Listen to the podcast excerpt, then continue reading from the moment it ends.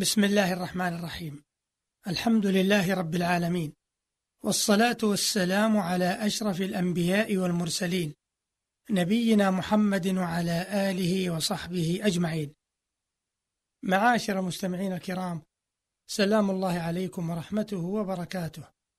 أما بعد فلا يزال الحديث موصولا عن المعرب والتعريب. والحديث في هذه الحلقة سيدور حول دوافع التعريب وحول الألفاظ المعربة في القرآن الكريم. أما دوافع التعريب فقد أشار بعض العلماء إلى ذلك دون ذكر مباشر له وذلك كصنيع السيوطي في المزهر.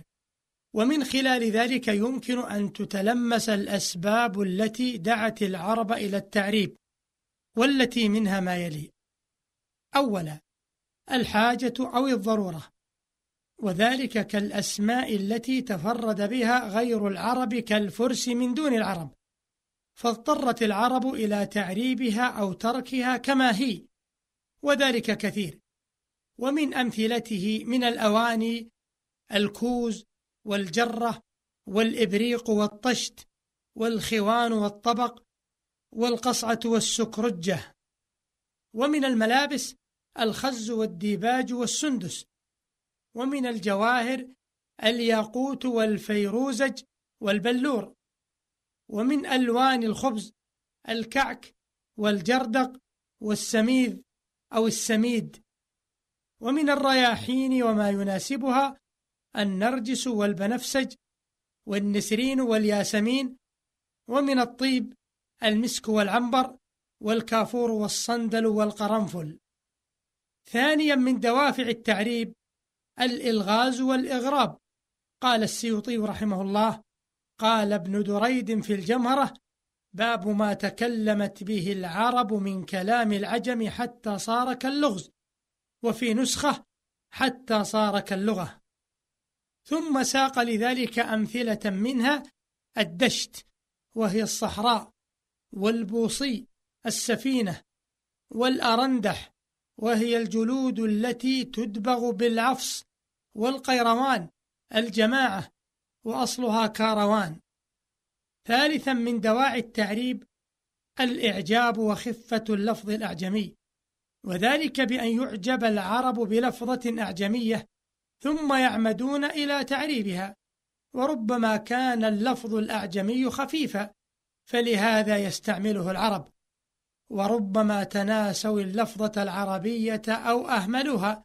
مثل الباذنجان كان يسمى الحدج ومع ذلك غلب للإعجاب بما هو غريب.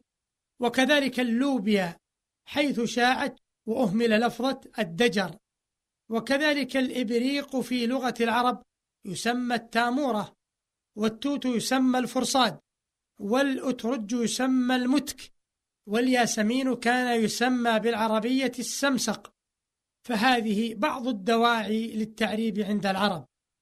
أما الألفاظ المعربة في القرآن فقد ذكر السيوطي في كتابه الإتقان في علوم القرآن ألفاظا عديدة وذكر من قال بأنها معربة من العلماء وقال في نهاية الحديث عنها بعد أن رتبها ترتيبا ألفبائيا فهذا ما وقفت عليه من الألفاظ المعربة في القرآن بعد الفحص الشديد سنين ولم تجتمع قبل في كتاب قبل هذا.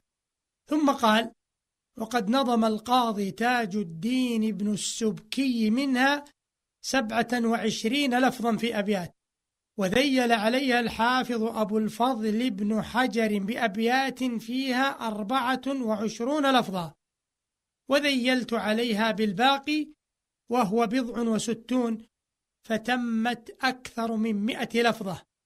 فقال ابن السبكي مبينا الألفاظ المعربة في القرآن السلسبيل وطه كورت بيع روم وطوبى وسجيل وكافور والزنجبيل ومشكاة سرادق مع استبرق صلوات سندس طور كذا قراطيس ربانيهم وغساق ودينار والقسطاس مشهور.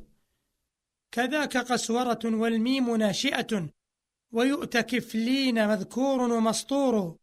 له مقاليد فردوس يعد كذا فيما حكى ابن دريد منه تنور.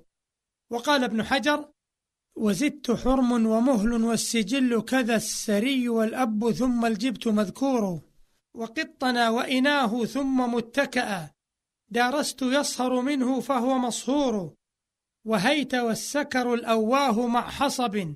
وأوبي معه والطاغوت مسطور صرهن إصري وغيض الماء مع وزر. ثم الرقيم مناص والسنى النور. وقلت أيضا أي السيوطي. وزدت ياسين والرحمن مع ملكوت ثم سينين شطر البيت مشهور. ثم الصراط ودري يحور ومرجان ويم مع القنطار مذكور. وراعنا طفق هدن ابلعي ووراء والأرائك والأكواب مأثور. هود وقسط وكف رمزه سقر. هون يصدون والمنسات مسطور. شهر مجوس وإقفال يهود حواريون كنز وسجين وتتبير. بعير نازر حوب وردة عرم. إل ومن تحتها عبدت والصور ولينة فومها رهو وأخلد منجات وسيدها القيوم موقور وقمل ثم أسفار عنا كتبا وسجدا ثم ربيون تكثير وحطة وطوى والرس نون كذا عدن ومنفطر الأسباط مذكور مسك أباريق ياقوت رووا فهنا. ما فات من عدد الألفاظ محصور وبعضهم عدلولا مع بطائنها والآخرة لمعاني الضد مقصور. انتهى ما ذكره السيوطي في كتابه الإتقان من نظمه ونظم ابن حجر ونظم ابن السبكي قبلهما من ذكر الألفاظ المعربة في القرآن الكريم عند من يقول بذلك. وإلى هنا ينتهي وقت هذه الحلقة. والسلام عليكم ورحمة الله وبركاته.